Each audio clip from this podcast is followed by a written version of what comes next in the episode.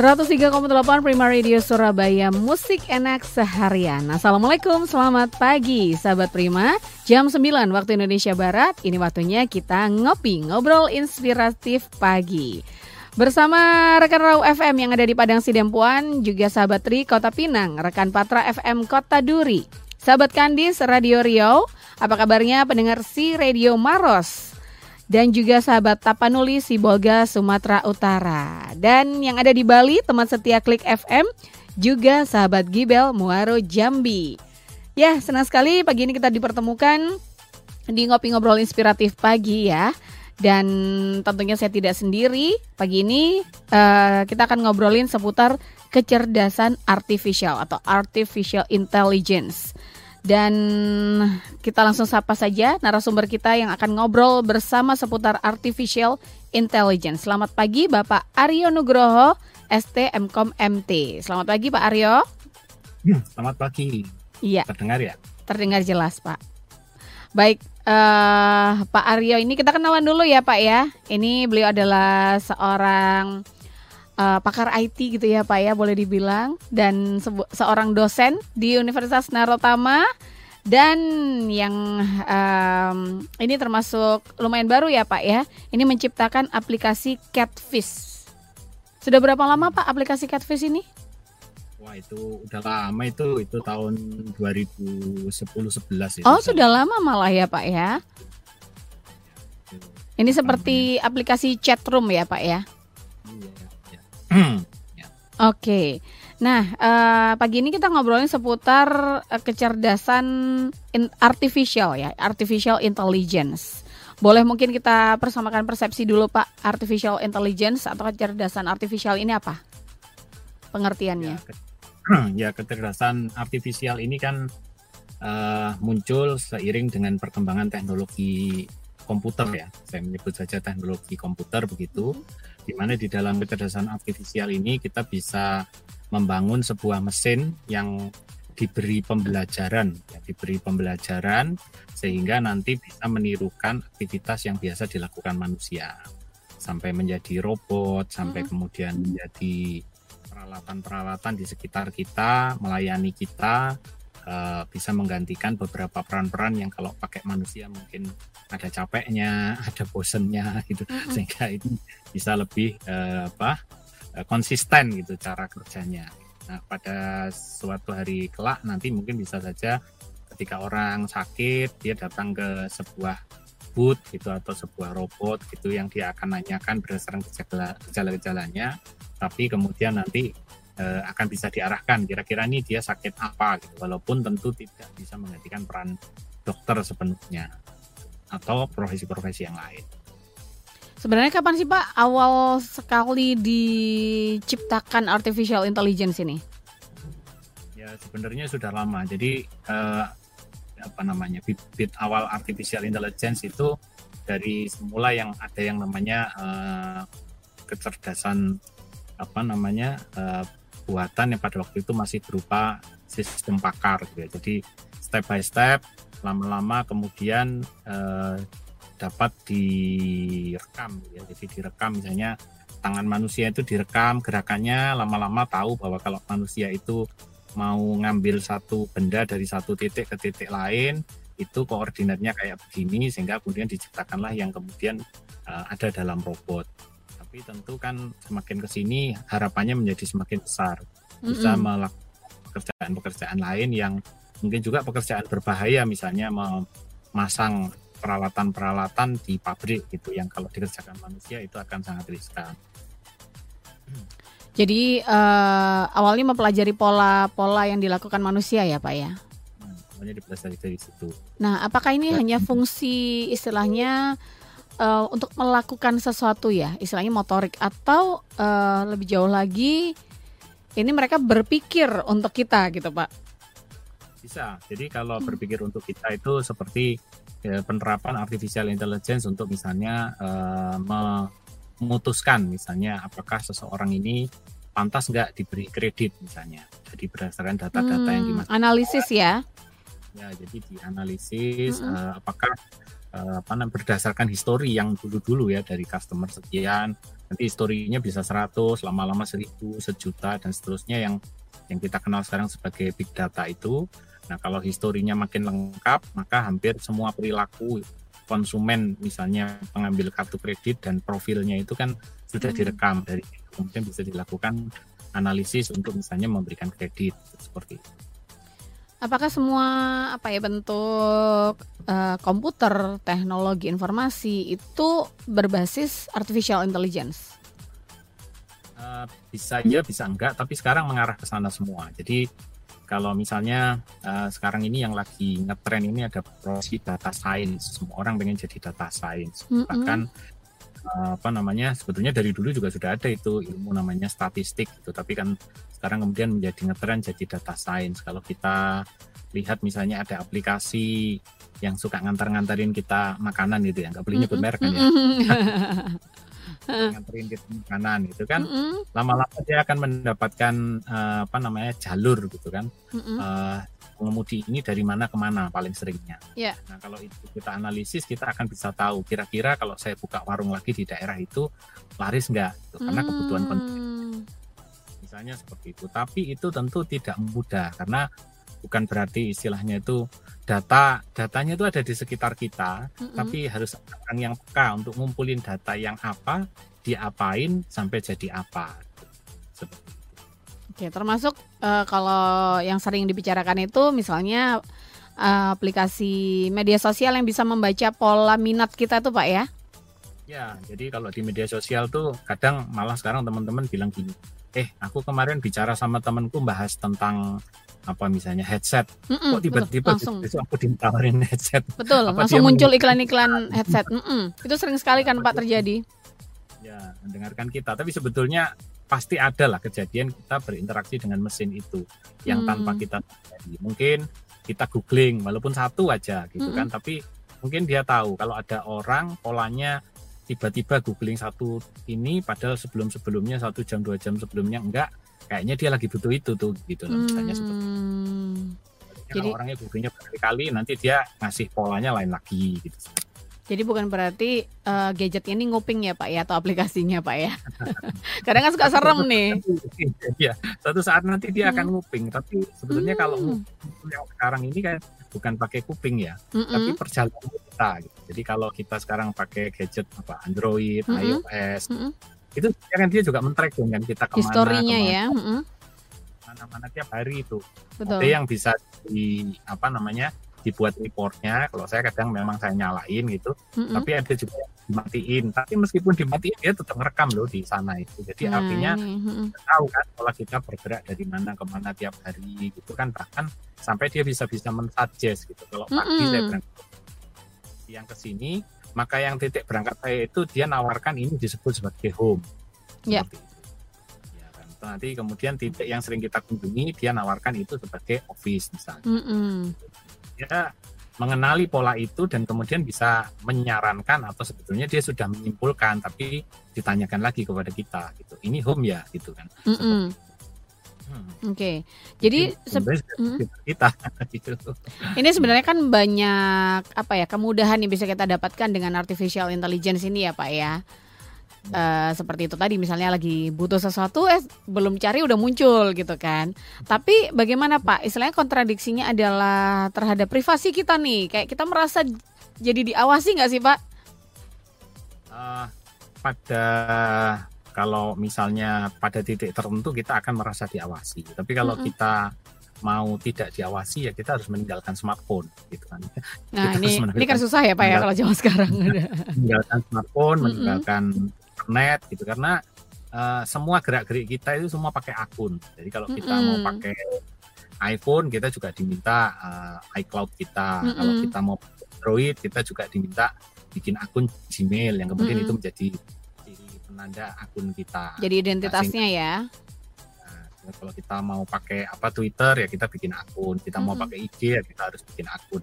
Nah dari situ ada penandanya ada beberapa yang juga dia akan ngetrack itu seperti apa yang dilakukan terhadap Android itu dia akan ngetrack lokasi kita pergerakan kita nah pergerakan pergerakan kita ini juga uh, apa namanya ya kita kan makainya gratis ya pakai pakai emailnya dapat gratis yeah. pakai Google Drive dapatnya gratis tapi tentu tidak segratis itu pasti dia akan memanfaatkan itu untuk misalnya menawarkan barang-barang mm -hmm. yang terkait sponsorship itu kepada kita karena ya inilah ber, berbaginya kita dengan Google kita sudah bisa menggunakan fasilitas mereka gratis nah mereka mendapatkan apa data-data kita dan data-data kita ini kemudian di apa namanya dimonetize gitu saya hmm. tidak tidak pas kalau istilahnya dijual ya tapi dimonetize, hmm, dimonetize.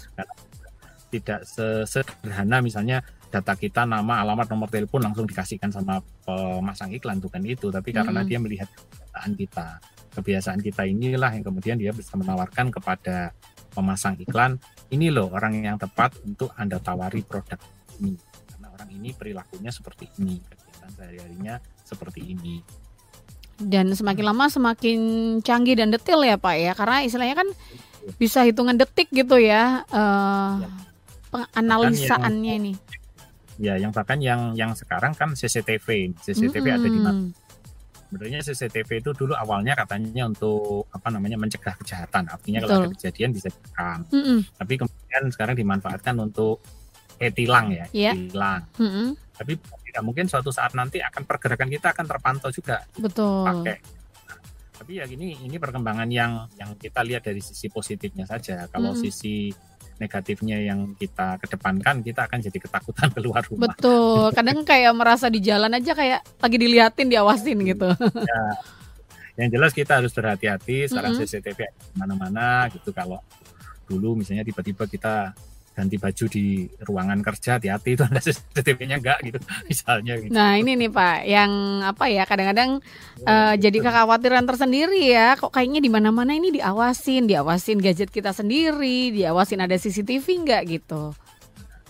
Ya sebenarnya tergantung perilaku kita lah. Kalau hmm. perilaku kita apa namanya? Tidak menyimpang gitu Pak ya. Agak gitu, baik saja enggak apa-apa.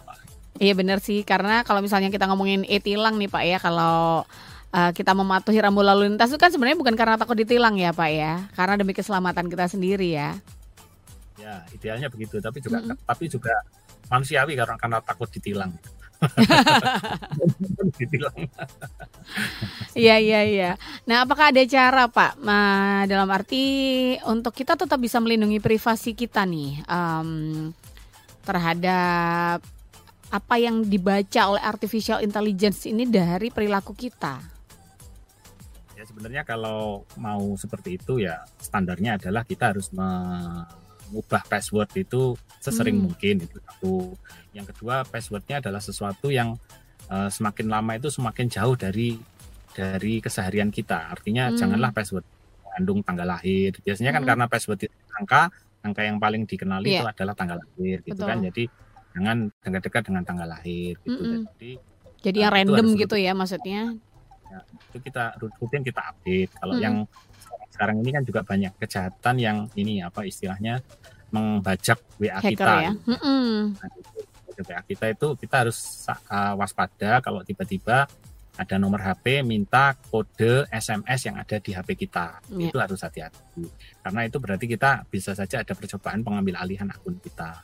Hmm. Seperti itu kan beberapa kali ada teman itu cerita wah tiba-tiba WA saya nggak bisa dipakai lagi awalnya gara-gara saya ditanyain via WA misalnya tolong dimasukkan kode yang tadi ada di SMS kodenya pakai bahasa Thailand ini saya mm -hmm, uh, akhir minimarket ini tolong yeah. dong kasih ya ini salah uh, masukin nomor hmm. gitu pak ya gitu. mm -hmm. saya, saya pernah alami juga seperti itu gitu, mm. dan kemudian mereka juga apa namanya bisa kontak beberapa teman gitu tapi kalau saya perhatikan oh dia dapatnya dari akun Facebook. Jadi ada beberapa akun Facebook teman saya yang nomor teleponnya dipublish. Gitu.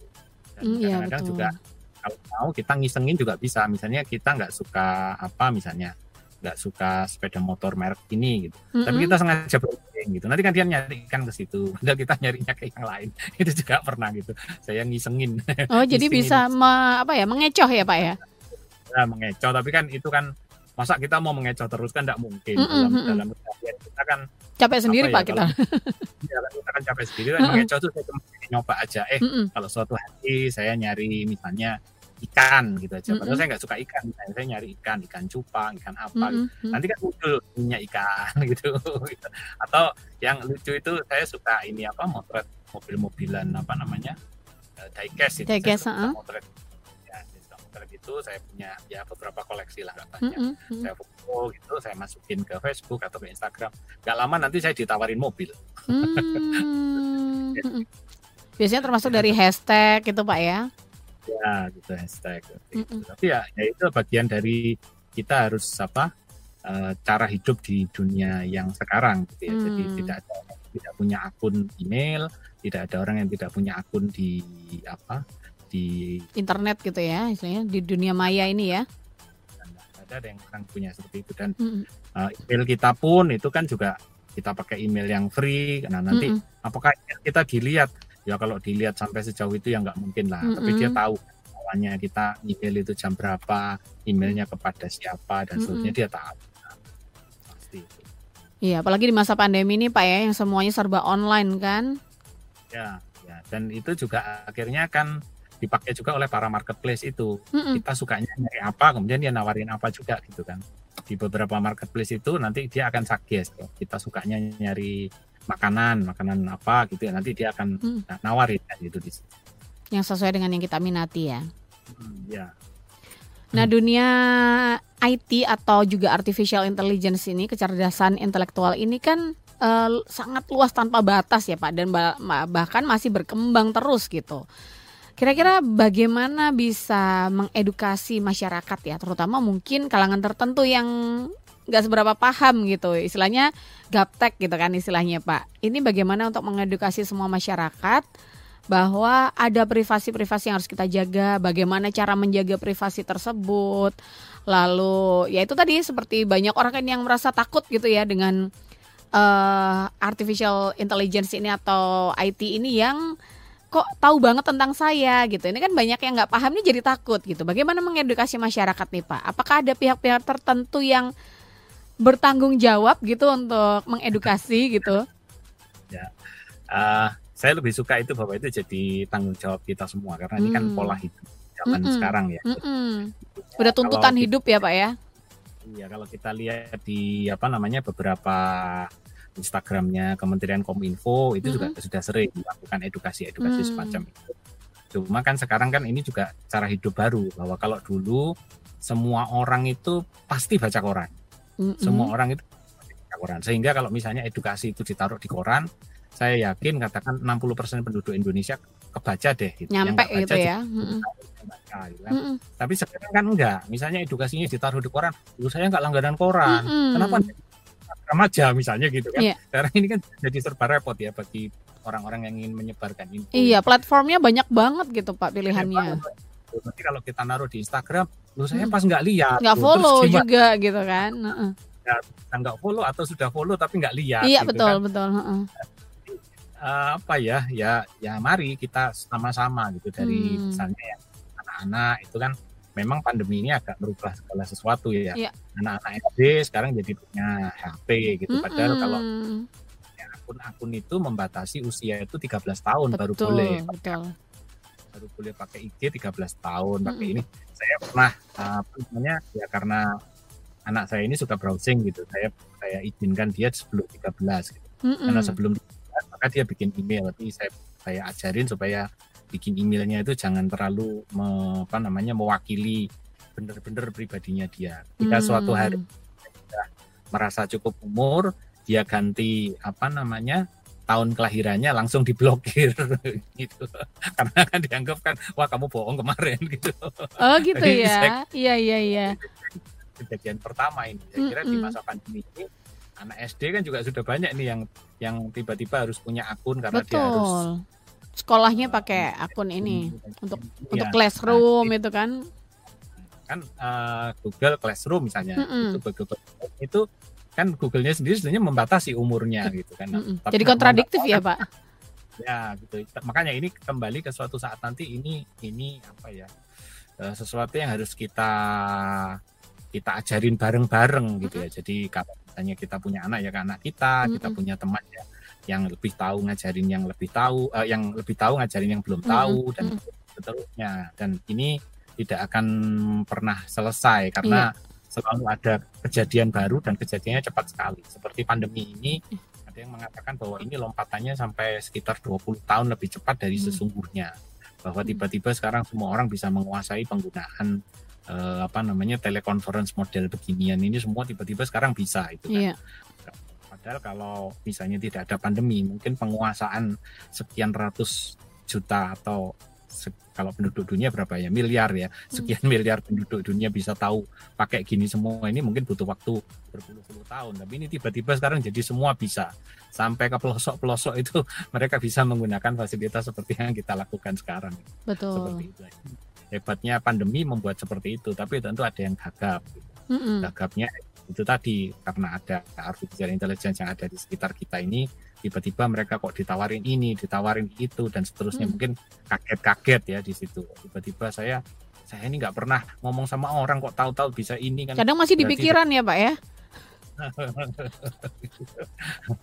Mungkin seperti itu, nah ya. ternyata kadang kalau kita ngeklik sesuatu aja walaupun tidak secara khusus mencari ya itu sudah membaca ya pak ya Ya, dan uh, artificial intelligence ini sekarang dipelajari di berbagai bidang. Mau di kedokteran juga ada, hmm. mau di pendidikan juga ada, mau di bidang ranah-ranah yang lain, orang commerce apa, semua mempelajari itu. Kalau kita browsing-browsing saja tentang data science itu ada banyak sekali uh, apa namanya tawaran course dari yang gratis sampai yang berbayar. Yang mahal itu juga ada sehingga semua orang sebetulnya bisa belajar minimal belajar bukan menjadi ahli tapi tahu oh gini mm -hmm. ya kira-kira apa namanya algoritmanya atau gerakannya seperti itu. Dasarnya seperti apa dan juga mungkin untuk melindungi diri sendiri itu ya, untuk melindungi privasi diri ya, sendiri ya. Kalau yang dalam pengalaman saya, saya pakai juga untuk campaign misalnya, campaign beberapa kampanye politik itu yang hmm. saya bantu. Kita sampai tahu kapan sih jam yang tepat untuk kita kampanye. Hmm. Orang itu kayaknya lihat sosial media itu kapan Mm -mm. kepada Mbak ini saya tanyakan Mbak kalau habis sholat subuh ngapain? Gitu kan. Kalau mm. zaman dulu jawabannya kan oh saya zikir. Kalau sekarang enggak buka sosial media. Dan itu salah satu waktu yang paling pas untuk kampanye ternyata sekarang. Iya iya iya. Dan kalau dulu mungkin kita bisa dapat datanya dengan angket gitu pak ya? Ya ya nah, sekarang langsung aja kita sudah tersedia Jadi, gitu ya? Polanya udah kelihatan. Mm -mm. Baik. Oke. Kecerdasan artifisial ini ya. Ini sebenarnya aplikasinya ada dalam apa saja dalam kehidupan kita sehari-hari saat ini yang yang sudah berkembang banyak ya. Yang pastinya nggak hanya di komputer atau handphone aja nih. Ya, uh, aplikasinya sudah ada di mana-mana ya karena mm -hmm. sesuai fungsinya yang pertama otomasi. Yang mm -hmm. otomasi itu berarti jelas uh, kita lakukan itu di pabrik-pabrik. Jadi kalau misalnya sekarang kita melihat apa namanya uh, berbagai perangkat elektronik itu kalau kita lihat papan papan cetaknya itu kok bisa rapi gitu ya karena memang itu dilakukan oleh mesin yang sudah di eh, apa namanya di program khusus. Hmm. Yang kedua kemudian menambah juga uh, apa namanya menambah kecerdasan suatu alat. Jadi misalnya kalau ada resto nih kemudian dia ingin menghidangkan atau yang kemarin sempat viral ini kan ada orang jual apa ya jual cilok gitu ya terus kemudian uh, anaknya bikinin untuk ngambil itu. Kayak ya. robot nah, gitu ya.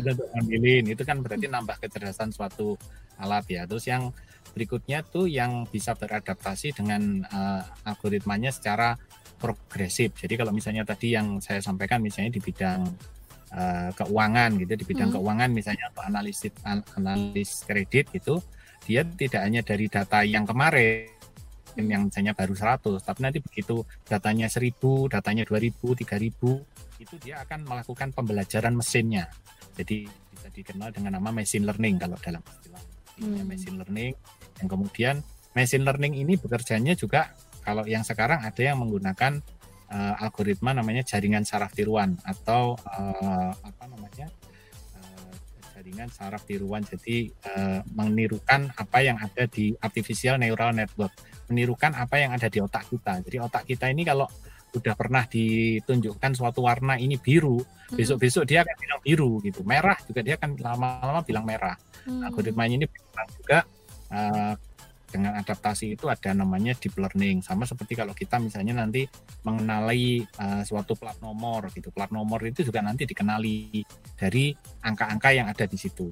Yang berikutnya di bidang analisis data di analisis data itu banyak dipakai untuk berbagai kegiatan seperti misalnya pengambilan keputusan uh, apa namanya kebijakan ya. Jadi misalnya hmm. uh, apa namanya kita mau menentukan nih kebijakan suatu wilayah berdasarkan jumlah penduduk, pendapatan dan sebagainya kira-kira nanti di area ini kira-kira sekian tahun kemudian kebutuhannya apa itu seperti itu dan ini akan menimbulkan akurasi yang lebih baik daripada yang sebelum-sebelumnya. Namun semuanya itu tetap perlu peran manusia mm -hmm. untuk memasukkan apa yang harus dimasukkan di situ. Nah ini tadi yang mau saya tanyain Pak. Maksudnya kayak tadi analisa data misalnya pengajuan kredit gitu. Itu kan tetap yang mengontrol tetap manusianya kan Pak yang memberikan apa ya? Ya di variabel pilihannya apa saja, lalu mana yang valid, mana yang enggak, seperti itu tetap manusianya ya. kan ya?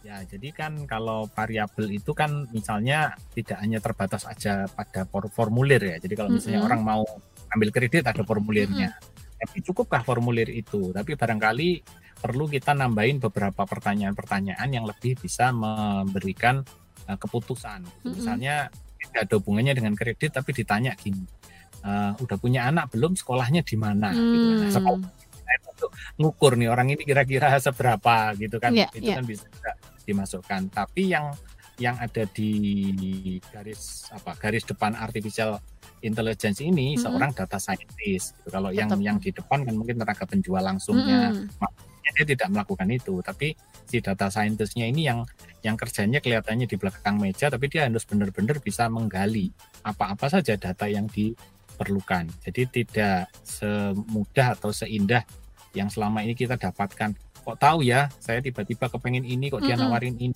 ya enggak, enggak, enggak semudah itu dan itu yang sering kali di beberapa perusahaan sekarang uh, punya keinginan gitu ya datang ke seorang data scientist atau seorang ahli IT aku pengen supaya aku besok itu tahu orang ini pengennya apa gitu. Ya gimana kalau dia tidak pernah ngumpulin ba datanya gitu. iya bahwa sebenarnya kalau misalnya uh, keinginan kita tuh dibaca oleh media sosial ini sebenarnya ada orang-orang yang bekerja di baliknya begitu pak ya, ya Uh-uh. Seperti radio ini misalnya, uh-uh. bagaimana radio Prima Radio ini bisa tahu peng- pendengarnya ini uh-uh. umur berapa aja sih uh-uh. gitu. Nah kita cari cara nih untuk nangkapnya uh-uh. gitu.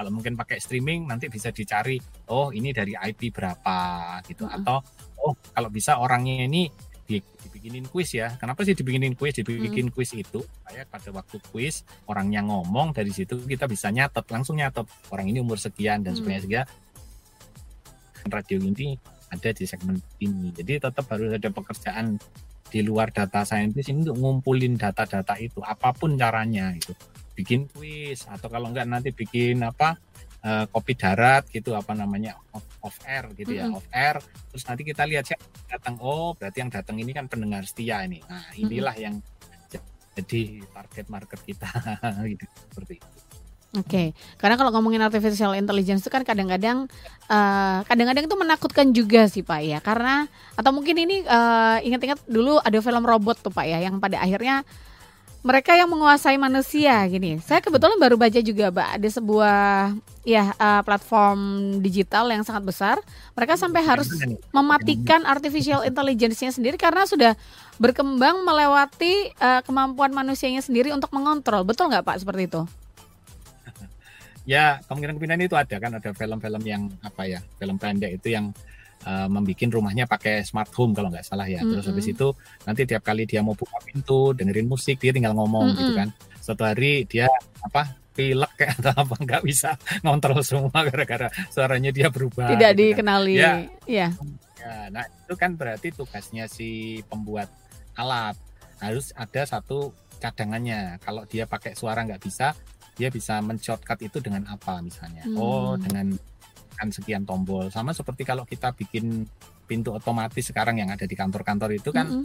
uh, defaultnya itu dulu umumnya kan kalau listrik kita mati dia hmm. akan buka bukan tutup tapi dia akan buka hmm. nah sehingga kalau kita taruh itu di pintu depan kita harus masang sesuatu misalnya UPS yang untuk apa power hmm. cadangan hmm. itu ketika hmm. listrik mati karena kalau begitu listrik mati dia buka maling masuk dong gitu kan hmm. tapi kan dia bikin untuk keamanan listrik mati dia buka supaya kalau ada orang ke ada di dalam situ tidak terkunci. hmm. gitu kan.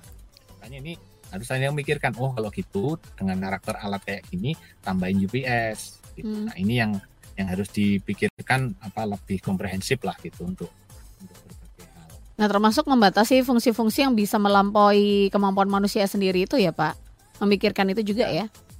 Ya, uh, ya ini kalau pengalaman saja lah saya hmm. uh, apa namanya jadi dosen, ada skripsi mahasiswa gitu kan. Ini mungkin agak ekstrim ya, tapi sebetulnya hmm. ini ekstrim ini saya perlu ceritakan sebagai pembelajaran saja. Ada mahasiswa saya bekerja di suatu laboratorium gitu kan. Nah di laboratorium itu kan kalau kita dicek darah dan sebagainya itu nanti kemudian kan ada tukang bacanya itu di dalam situ. Mm -hmm. saya tidak ngerti istilah kesehatannya ya di situ. Terus kemudian rupanya si mahasiswa saya yang kerja di situ itu ngerti. Alah bacanya cuma gitu-gitu aja. Gimana kalau saya bikin bahwa kalau orang gini gini gini ini sakit ini. Kalau orang gini gini ini sakit ini gitu kan. Hmm. eh nggak bisa loh kamu bikin skripsi kayak gini. Kalau kamu nekat bikin skripsi kayak gini berarti paling tidak di situ adalah kata-katanya adalah saran dan pendapat gitu. Jadi jangan melakukan judgement gitu. Karena judgement itu tetap harus ada manusia gitu kan karena juga mungkin di dalam undang-undang apa kedokteran atau mm -hmm. apa yang punya menyatakan orang sakit itu kan bukan mesin. Mm -hmm. tapi kan dokter gitu kan. Jadi iya memang gejala orang begini-begini itu begini kan. Sekarang ini kan kita suka jadi dokter sendiri kan. Nanya ke mana kalau gejalanya ini ini sakit ini. Padahal jadi, belum lengkap jadi kayak ya, rumus ya pak ya? Nah, kan belum lengkap itu harus ada ini. Tapi bukan berarti saya bilang bahwa semuanya harus diselesaikan dokter enggak juga. Tapi ada keputusan-keputusan etis di mana wilayah-wilayah yang kalau ini adalah lab, labnya terus menggantikan ini supaya soalnya ini Pak dokternya kalau datang itu cuma sehari sekali, sementara konsumen udah nunggu-nunggu. Ya jangan gitulah gitu ya. Carilah dokter yang lebih rajin gitu. Tapi jangan keputusannya diganti mesin. Nah kalau kita mm-hmm. coba apa kita pergi ke lab itu terus ternyata keputusannya dari mesin apa kita tidak ngeri itu. Mm-hmm. Ya hanya pada yang kemarin-kemarin gimana kan tetap mm-hmm. harus ada evaluasi lagi gitu. Oke, karena berarti memang semua kasusnya itu uh, unik ya, maksudnya tidak bisa di bahwa ini uh, kecer kecerdasan artifisial ini ternyata ada yang tidak bisa tercover dengan itu ya, Pak ya. Ada yang tidak bisa tercover, juga hmm. ada kejadian ini. Uh, ketika kalau kita mau misalnya penyakit stroke gitu ya, penyakit hmm. stroke itu kalau kita cari di internet itu data dan variabel penyakit stroke itu banyak gitu. Hmm. Tapi kalau kita nyari di rumah sakit di Indonesia itu sulit gitu. Hmm. Jadi kalau nggak salah stroke itu seharusnya ada 15 variabel. Dari hmm. hasil kita cek apalah cek lab itu ada 15 variabel. Hmm. Tapi ketika kami mencoba itu di apa di sebuah rumah sakit di sini ternyata dokter di sini itu kalau hasil cek lab itu nggak dimasukin itu apa namanya ya karena dokter kita ini kan anu lah nggak terbiasa lah masukin apa-apa semua ke ngetikin gitu kan mereka lebih suka nulis gitu kan. Mm. nah ternyata dokter di sini itu pokoknya kalau empat variabel udah masuk itu dianggap stroke gitu misalnya begitu mm. atau apa gitu kan. Nah ternyata kalau itu mau dipakai sebagai pembelajaran untuk artificial intelligence kita malah bagusnya itu kalau dapat data dari luar. Di sini belum belum tersedia datanya karena belum menjadi kebiasaan menjadi kebiasaan bahwa misalnya lab ya lab mengeluarkan data data itu nanti diserahkan pasien tapi kan tidak dimasukkan dalam sebuah tabel gitu yang bagus sehingga kita bisa melakukan pembelajaran ini jadi ketidakbisaan kita melakukan itu di Indonesia juga datanya tersedia tapi belum ada yang ngumpulin gitu hmm. oke okay. Uh, ini kebetulan baru saja ada yang bertanya Pak. Kita jawab cepat saja di beberapa menit terakhir. Dari Ibu ya. Lia mau nanya untuk anak-anak apa tidak ada akun yang khusus untuk anak-anak jadi lebih terlindungi misalnya nonton YouTube jadi konten yang tidak sesuai tidak keluar. Ya, mau untuk anak-anak apa tidak ada akun yang khusus? Nah, ini harapan kita semua nih Pak sepertinya. Karena kan memang yang Bapak bilang tadi kan kalau bikin akun kan sebenarnya kan ada minimal usianya, tapi saat ini ini memaksa anak-anak juga punya akun tertentu gitu kan. Apakah mungkin ada platform yang menyediakan akun khusus anak-anak atau mungkin harapannya Google ya Pak ya? Ya. Uh, sebetulnya kalau yang yang YouTube itu seingat saya ada YouTube for Kids ya, jadi mm -hmm. ada pilihan untuk YouTube for Kids. Jadi itu mungkin kalau itu disetting ke sana itu insya Allah lebih aman lah seperti itu ya jawaban ini singkatnya ya. Oke. Okay.